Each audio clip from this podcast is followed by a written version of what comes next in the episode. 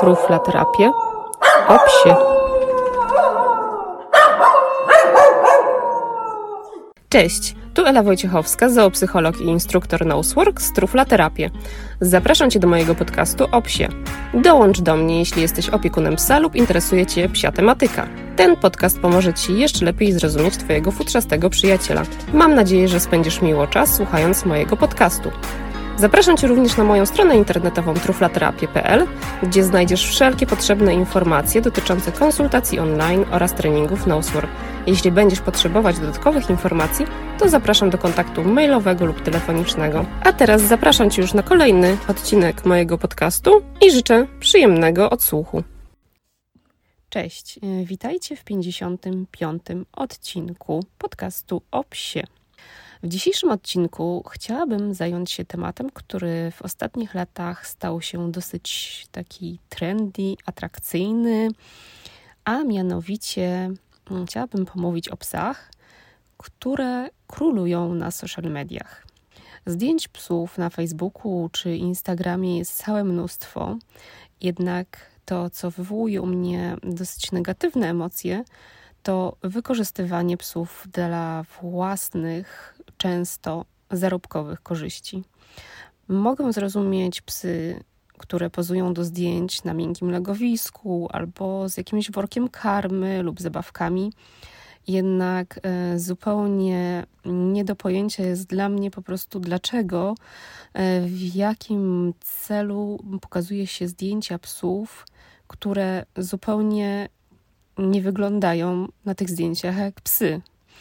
Niestety właśnie to zjawisko mm, zaczyna się rozprzestrzeniać mm, i choć na polskich kontach jest jeszcze nie tak bardzo popularne, no to konta zagraniczne są zalewane tego typu zdjęciami. W świecie skoncentrowanym e, na e, ludzkich potrzebach e, często zapominamy, że przodkiem psa był drapieżnik.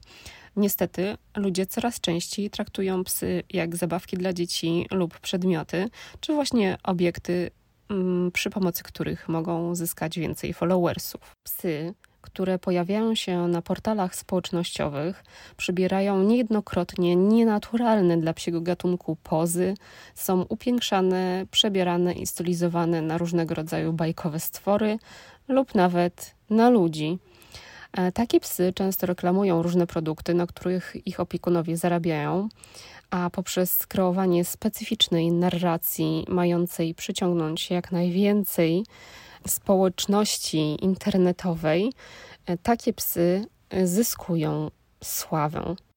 Dla mnie jest to fenomen, który daje do myślenia i zastanawiam się, co kieruje takimi ludźmi, którzy wspierają te konta i przy tym nakręcają ten przykry dla psów proceder.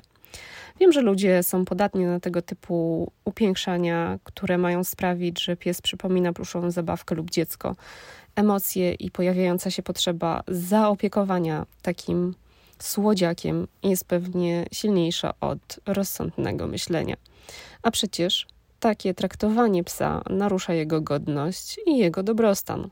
Szczególnie widoczny taki brak szacunku możemy obserwować e, na przykładzie tych psów do towarzystwa, które charakteryzują się małymi wymiarami ciała i takimi specyficznymi cechami fizycznymi, jak duże uszy, taki wygląd pluszowego misia czy płaski pyszczek. Wszelkie rasy przypominające maskotki wydają się być po prostu traktowane przez ludzi, jakby nimi były.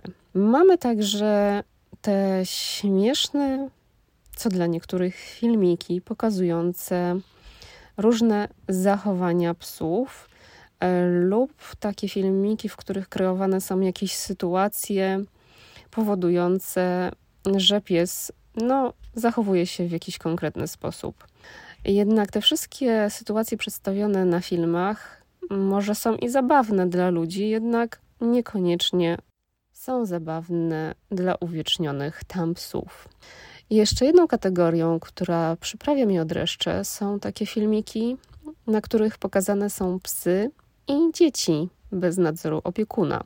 E, takie filmy mają zazwyczaj ogromne ilości wyświetleń, a komentarze pod nimi świadczą o tym, jak bardzo małą wiedzę na temat zachowania psów posiadają komentujący.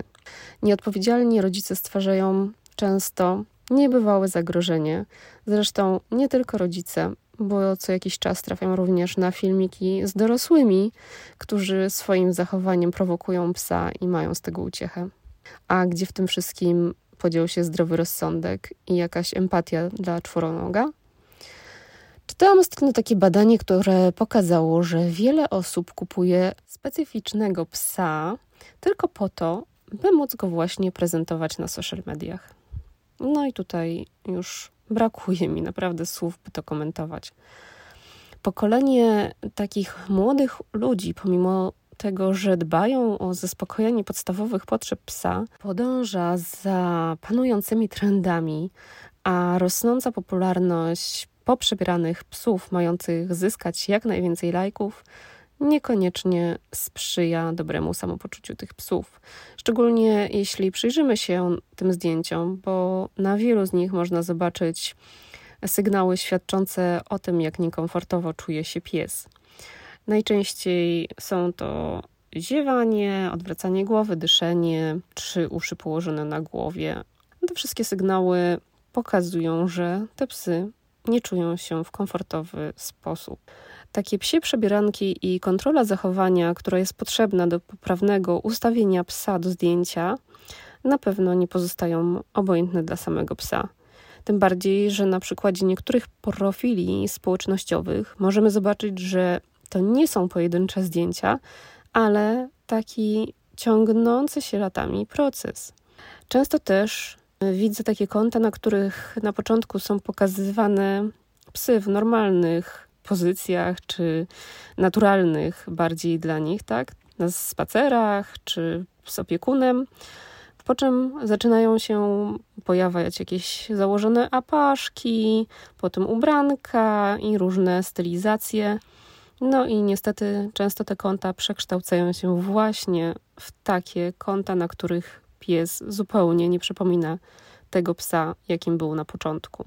Obrazki, które wywołują uśmiech na twarzy człowieka, niejednokrotnie są okupione cierpieniem takich psów. Wymuszanie pewnych zachowań jest powiązane często z deprowacją potrzeb emocjonalnych i behawioralnych takiego psa. Psy nie są ludźmi i nie chcą pozować do zdjęć lub przebierać się w kolorowe falbanki. Nadmierne uczłowieczanie psa negatywnie wpływa zarówno na relacje psa z opiekunem, ale przede wszystkim na dobrostan psa.